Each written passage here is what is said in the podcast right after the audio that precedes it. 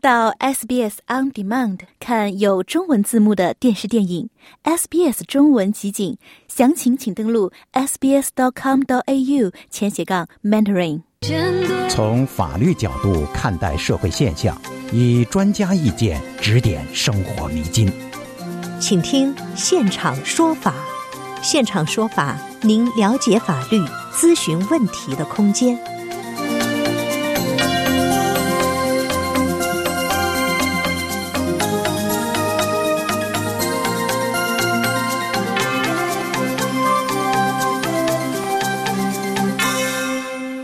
朋友您好，欢迎您继续收听 SBS 普通话为您带来的现场说法听众热线节目。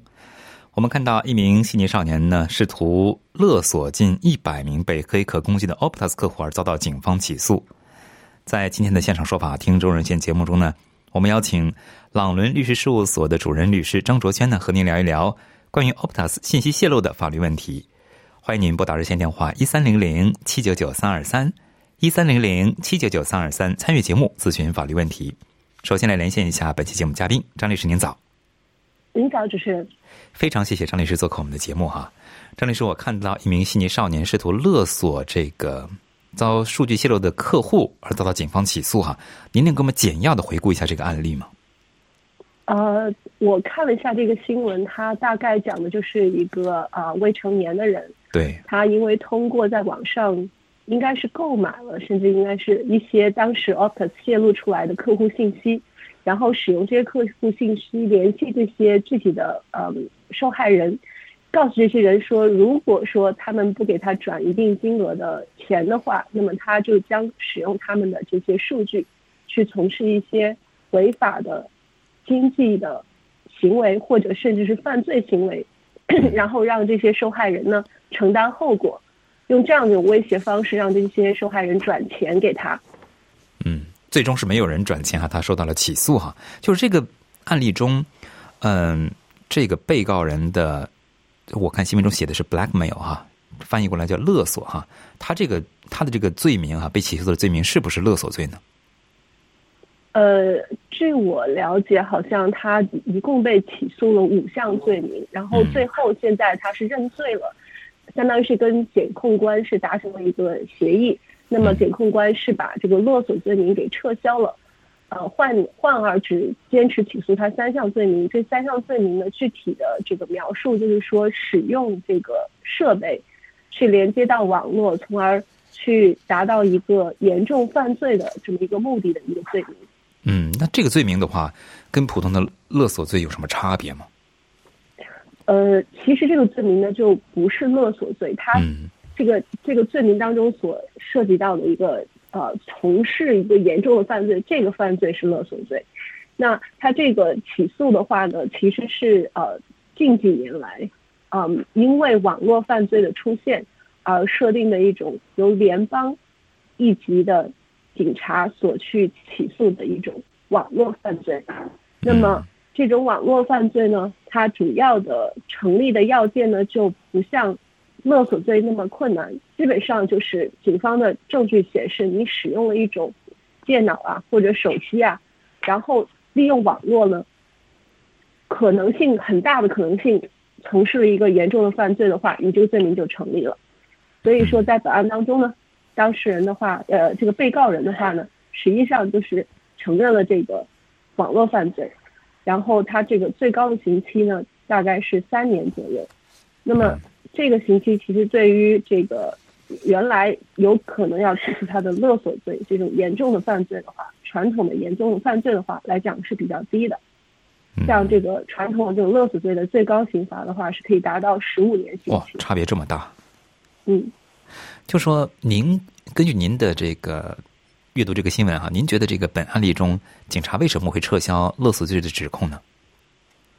呃，我看到的情况是很有可能，警方在这个如果说要坚持这个勒索罪的指控的话，那么他们会遇到这个取证上面会需要更多的资源要投入的问题。那么即便是成立了的话，因为特别是我们可以从新闻中看到，被告人其实是不承认这个勒索罪的，他只承认这个呃。这个相当于网络犯罪，那么再加上就算是警方投入大量资源证明了他勒索罪勒索罪的这个成立的话，因为这个被告人他是个未成年人，然后呢，嗯，最后这个结果呢，虽然他发了这些勒索信息，但是没有一个人真正转钱给他，没有造成一个实质性的非常严重的损失。嗯，然后呢，他现在还在新闻里头写，还说他还写信去认罪，表示自己悔过。同时还要解释说自己是存在经济问题，还有等等其他的这个心理、精神上的压力等等因素，要求法院去给予这个同情的考量，从而降低他的刑罚。所以，那么警方在考虑了各个这些因素之后的话，去选择一个较为容易成立的罪，啊，而放弃这个勒索罪的话，也是可以理解的。非常谢谢张律师的介绍啊，就是说。嗯，其实这个案例哈，也给了一些我们普通人，尤其是信息泄露的一些人士的一个提醒哈。嗯，我们在之前的节目和这个新闻中也提到哈，如果个人信息泄露之后呢，可能会被这个不法分子用作金融犯罪活动的一个呃筹码或者是一个犯罪工具哈。就是普通人如果碰上这样的事情发生了，我们能做些什么呢？你有什么建议吗？呃，首先的话呢，我想要让。嗯，大多数人都明白说，这个事情的发生并不是一个耸人听闻的事情，是真的有可能在现实当中发生的。如果你的信息、个人信息主要是自己的生日、住址被人盗取的话，那么这些人可以用这些信息去建立公司，去进行银行开户，去向一些非的非银行的金融机构贷款。然后这些等等的这些行为造成了损失，或者是甚至是参与了犯罪行为的话，都有可能使这个被盗人被陷入、被拽入到这些诈骗的行为或者是犯罪当中，要去承担被追究责任。嗯，那么。像我经历的这个案例的话，澳洲的话还没有严重到这个程度，但是我读过美国，现在已经有这样的案例了，就是说自己的 ID 被人盗了之后，借了一大笔钱，然后这个这个金融机构过来追钱，导致他破产。在澳洲，我的确遇到过客户是长期没有住的住宅，然后突然间收到一些莫名其妙的信，然后这个信的话，有可能会导致这个。他的用他的住宅建立的一些公司去借钱等等，然后使得他的一些银行信息被盗，嗯，真的是发生了在澳洲发生这种事。然后我客户发现这个情况之后，马上就把这些地址转到了像律师事务所或者会计师事务所去接收他这个住宅的信，并且要定期找人回到他那个空置住宅中去查查阅有没有什么奇怪的信件。对，就这一些的话要非常的小心，因为已经在发生。那么这些我刚刚提到是。呃，尽量去减少泄露个人信息的这些情况。对。那么，如果发现像刚刚说的异常的信息发到自己的验证码，就像呃发到自己验证手机号码呀，对，或者是电子邮件呐，或者是空置，特别是空置的这个住宅的信箱里头，发现一些很奇怪的信息，使用到自己的个人信息的话，那么就一定要去这些看到这些信息的金融机构，或者跟自己使用的这些银行啊。还有金融机构啊，还有一些第三方的政府啊，比如 Centrelink 啊这些等等，都要去查一下自己有没有一些信息被人修改，或者是莫名其妙的就产生了债务，就这种情况。如果发现了有这个苗头的话，要马上去跟这些机构澄清、解决掉，然后切断掉，把这个事情交到警察那里，让警察去调查。嗯。啊，还有一点就是，如果说你啊还担心，就是。呃，有这些都发现不了的话，你还可以向一些信信用机构去申请一份个人的 credit report，在这边澳洲叫做信用报告。嗯，从信用报告当中来看，说自己有没有呃莫名其妙多一个没有还的债务，或者是突然间有个贷款在上面。如果发现的话，也是尽早去处理。这样子的话，就会对你各方面来讲的话，会有一个更好的保障。这里所指的这个信用机构是，呃，不论是第三方机构或者官官方机构都可以，是吗？呃，它这个澳洲有个专门出 credit report 信用报告的，只要你在网上 search 搜索这个 credit report 的话，你就能够看到这个提供这些 credit report 的信用机构。嗯，真的是。它一般一年的话，可以给个人提供一次免费的信用报告。哦，那挺好的，非常感谢张律师给我们分享这个信息哈。那么，听众朋友，欢迎您继续收听 SBS 广播为您带来的现场说法听众热线节目。刚才呢，张律师和您分享了关于 Optus 信息泄露的法律问题以及一些应对措施哈。欢迎听众朋友继续拨打热线电话一三零零七九九三二三来参与节目咨询法律问题。接下来我们来接听听众电话，这位是陈女士，陈女士您好。哎，是我吗？是您，您请讲。啊啊好，呃，早上好。早上好。我想咨询一下有关法律的问题啊，就是我们家那个邮箱啊，就是啊送信的邮箱呢，原来呢是放在那个啊前院的呃挡土墙呢，台面窝那个墙上，那个送信的人呢很方便，他就在他那个电动车啊就在在嗯行人道上呢，呃。他就可以手伸一下，就可以把那个信放到邮箱里去了。因为那个前面的那个挡土墙呢，现在不行，要马上要坍下来了，所以我们就重新建一下。建一下呢，那个工程队就说，现在的油箱呢，一般都是放在那个挡土墙的柱子里面的，就是挡土墙两旁边有有有两个柱子，这两个柱子呢，就是放在你前面，就是开车进来啊，人进来的。前院的门口的，那就放在这里面了。这样的话呢，他那个电动车呢开过来呢，他就可能要往里面有，就是行人道像他一米多吧，一米半这个距离吧。那个有那个 postman 呢就跟我们 complain，他就说啊，你这部邮箱不能放在这里面。这样的话，他说因为原来我我是那个车子电动车呢是在。呃，步行道上就可以把信放到里面了。那如果万一我摔跤呢，这是康手的问题。现在呢，他说你那个邮箱呢，已经进入到，因为离开步行街有一米五了。他说我如果车子停在你这里放，我摔跤的话呢，我就有权利，我就呃可以诉你，好像就是呃让你赔损啊什么。我就搞不清楚他这样讲有没有道理，因为如果我的。他进来的道路，我没有什么呃，道路上有什么有绊脚的地方啊，不符合规格的地方啊。他如果自己不当心摔了一跤，这个责任也算是我的吗？我就想请问一下律师，像这种法律问题，应该呃是是他，我不知道这个这个邮邮递员张律师，像陈律师这种情况，他应该嗯做什么回应呢？呃，陈女士，首先让您知道的就是，我不是做这种 personal injury，也就是呃人身伤害的律师。但是就我了解到的情况是，如果说这个区域是你家里的范围，任何人在你家如果摔了一跤，不是说是你啊故意造成的，但是他的确是摔跤了受伤，包括你的客人，包括像这样的邮递员的话，那么理论上来讲，他是的确可以向你进行索赔的。那么问题就是在于他摔跤这一个行为造成他受伤的话，那么这个受伤是不是真的仅仅是因为一个摔跤造成的，还是他比如说有一些他长期的呃工作的疾病等等？那么一般情况下，在你家里受伤的人向你去呃要求赔偿的时候，你家里头如果房屋里头有保险的话，有一些人的这个房屋保险中是包括了这种呃类似于人受伤的这种赔偿的保险的。然后这个邮递员如果说在你家这个呃范围之内受伤，对你进行 claim 的话，那么其实他还有一个呃保险保护他，也就是他的呃工作保险，因为他在给你送信的过程当中的话，他受到伤害的话，这个工作保险应该是会保障他这块受伤的这个范围的。所以说，嗯，他这么讲的话，他的确有这个权利。但是如果真的出现了这种情况的话，那么首先我认为他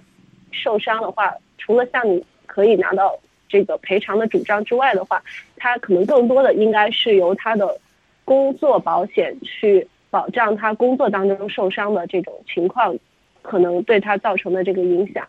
啊，那么在这种情况下，我觉得他向你去要求赔偿或者获得赔偿的这个可能性也好，或者是金额的绝大部分的来源也好，应该不是从您这边，应该会是从这个工作保险。嗯，其次的话，就有可能是您家里头的这个保险，呃，去承担。如果他有这真的有这样的情况发生的话，嗯，陈女士供您参考哈，谢谢您。啊啊好，哎，我我想再问一个，就是家里前院有一个很大的 gum tree，这个 tree 啊，像这两天风很大，因为它很高嘛，有三四十米高，那下面的 branch 啊掉下来以后，会掉到走过去的行人，也会。掉到我们家，就是对我们也有很有危险。我想康寿申请了，我想把它砍掉。我说这很危险，我们家里人走来走去在 driveway 上，他那个他那个树树的那个粗杆子啊掉下来，就是会伤人。把它砍掉，但是康寿呢没有同意，没有 approve。他说啊，这个树很健康，我们要保持这个绿化什么什么。呃，那我就想，万一如果伤到人了，伤到行人了，或者伤到我们家，这康首是不是有责任啊？因为我已经跟他提出这个这个可能性。呃，您可以主张，但是因为呃，这是有一个平衡的问题，康首会。有这个权利是决定说这个呃一一个范围之内的树是否需要被呃拿掉，或者是被呃就是保留。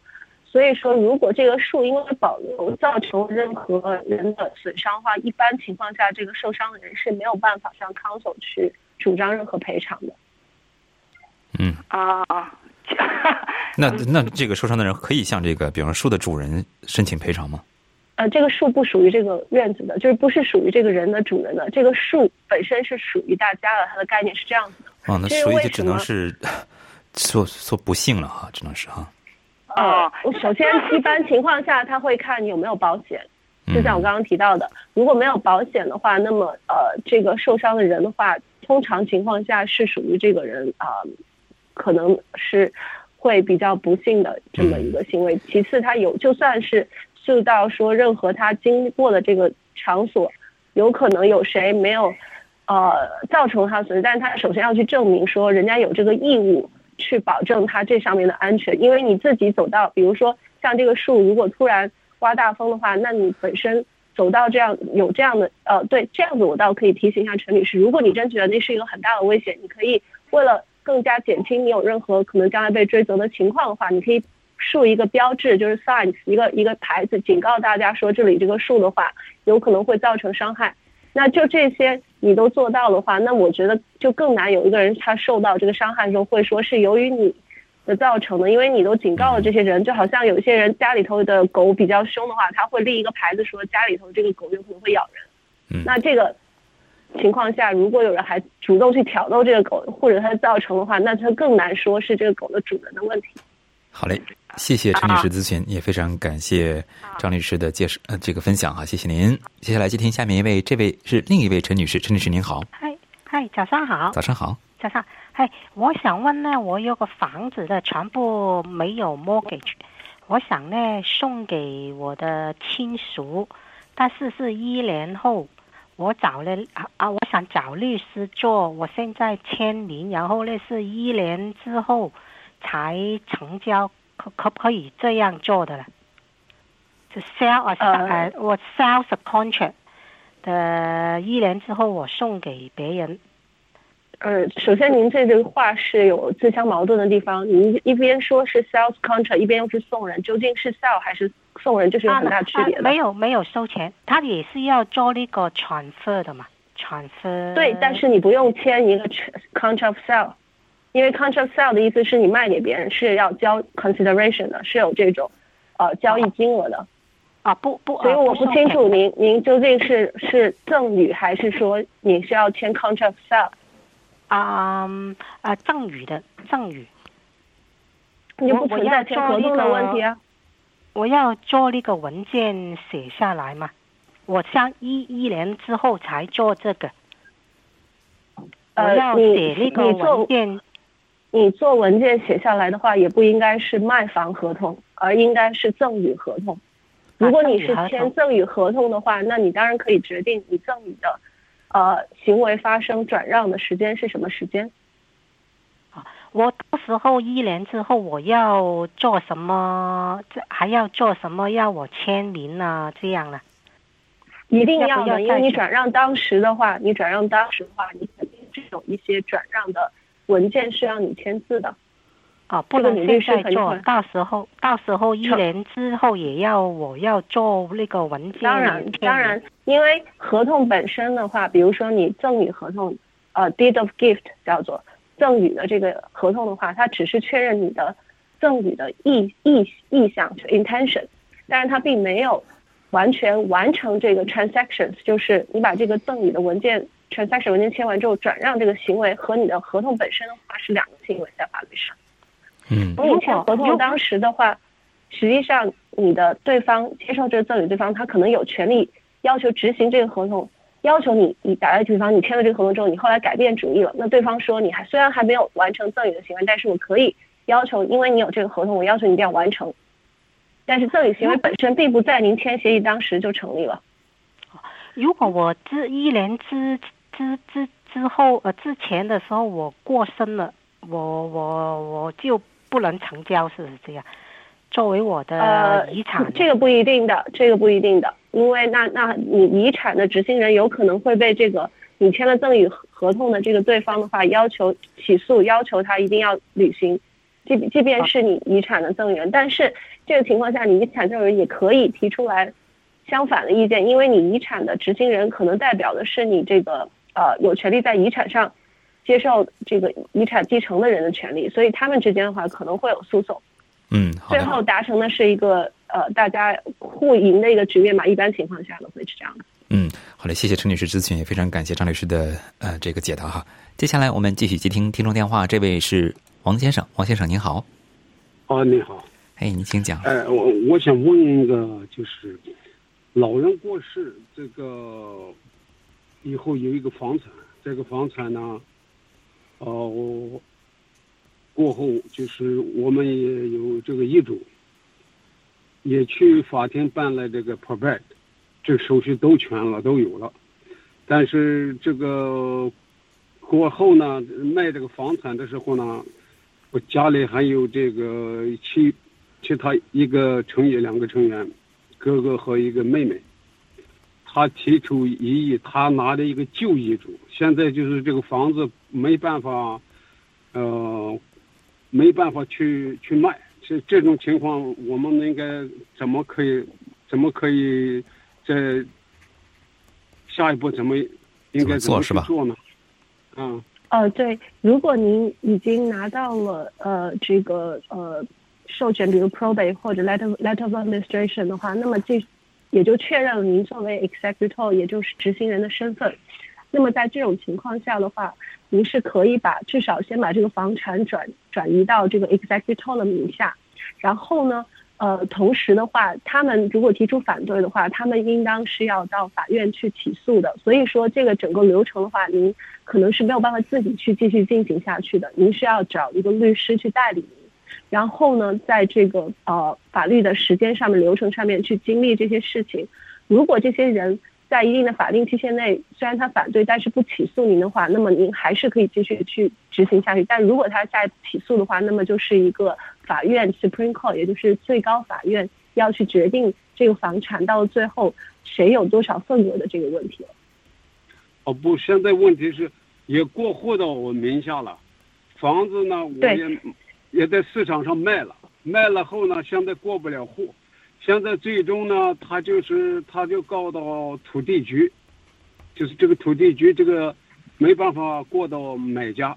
对，但是您本身是现在呢是什么问题？现在又达成了协议，都双方律师的，达成协议就是说把这个钱可以你过户卖了，放到 trust 基金里。但是呢，现在就我问我我这边的律师就说，现在只有这个办法。我说那下一步怎么办？要多长时间？他说那就不知道了。对方他可能要一直拖着你一年两年也不一定。这种情况，因为他的手续，他的遗嘱，他有一个遗嘱，但是很多年前的，因为我们是最新的嘛，那个老人又改变遗嘱了，所以这种。但是你要你要明白的是，那就是打官司啊，像我刚刚跟您讲的，你要到 Supreme Court，你现在实际上就是关于这笔钱应该怎么分配，你们要到 Supreme Court 去打官司。就算他是旧有的遗嘱，但是如果说他因为跟老人有之间有这种，毕竟有这种血缘关系，那么他在。一种特殊的法律规定，在澳洲也就叫做 family provision claim 上面的话，他是有 claim 的，也就是他有主张分的财产的权利，即便是有遗嘱的情况下，虽然他要先去 challenge 你原来的遗嘱，也就是说他要先说你这个原来遗嘱是有一定问题的，但是不代表他不可以去起诉你，可以去跟你纠缠这个事情。所以你律师其实换言之，实际上在告诉你说，对方现在就是就你现在卖完房子这些房款怎么分配的话，会下下一步会对你进行诉讼。但是对于您来说，我觉得还是对他们比相比于他们来讲是一个更好的地位，因为您毕竟第一有一个最新的遗嘱保护您，第二的话，您已经是这个呃卖掉房产之后这个 executor，也就是相当于是这个遗产的管理人，他们起诉你，你所有的律师费用的话，都应当先从这个遗产当中先去支付。他们实际上要起诉你的话，是要自己先去支付费用的。所以说，在这种情况下的话，您就按照律师的指导，一步一步跟他们去打官司。然后，一般就我的经验来讲，这种情况下，对方也会在一定程度上就跟你和解，拿一部分钱之后他就走，一般是这样的一个情。嗯，供您参考。问题是，我的律师意思就是说，我们不可能起诉，就是我们等，不管多长时间等，让让他啊，不会的，他要愿意告。对，这个这个不会说会让他一直等的，就是一般情况下他是有一定期限的。虽然我现在一下子记不住了，但是。他是有一定期限，他们必须要对你提起诉讼的，不是说可以一直拖下去的。哦，不是说无限期的。一般不不会的，但是一般情况下，对方也不会说呃，就是他首先有这个 deadline，第二的话，对方也不会说在这种情况下的话，呃，不会尽尽快的去做这个事情，因为拖得久来说对他来讲也没有任何的好处。但是对方的确会有压力去要起诉你，因为就像我说的，你的律师费可以直接从你们的这个遗产当中支付。但是对方是要先去自己筹备一定费用的律师费去起诉你的。嗯，供您参考，王先生，谢谢您，非常感谢听众朋友们两个小时陪伴以及打入电话的支持，也非常感谢张卓轩律师对我们节目的支持。因个人情况复杂，那么本节目呢仅供您一般性参考，具体问题呢请您咨询专业的律师。想在 SBS 当一回影评人吗？SBS On Demand 正在推送配有中文字幕的热门影视作品。您只需观看一部或以上影视作品，并把影评观后感发给我们，就有机会赢得一份 SBS 精美礼品。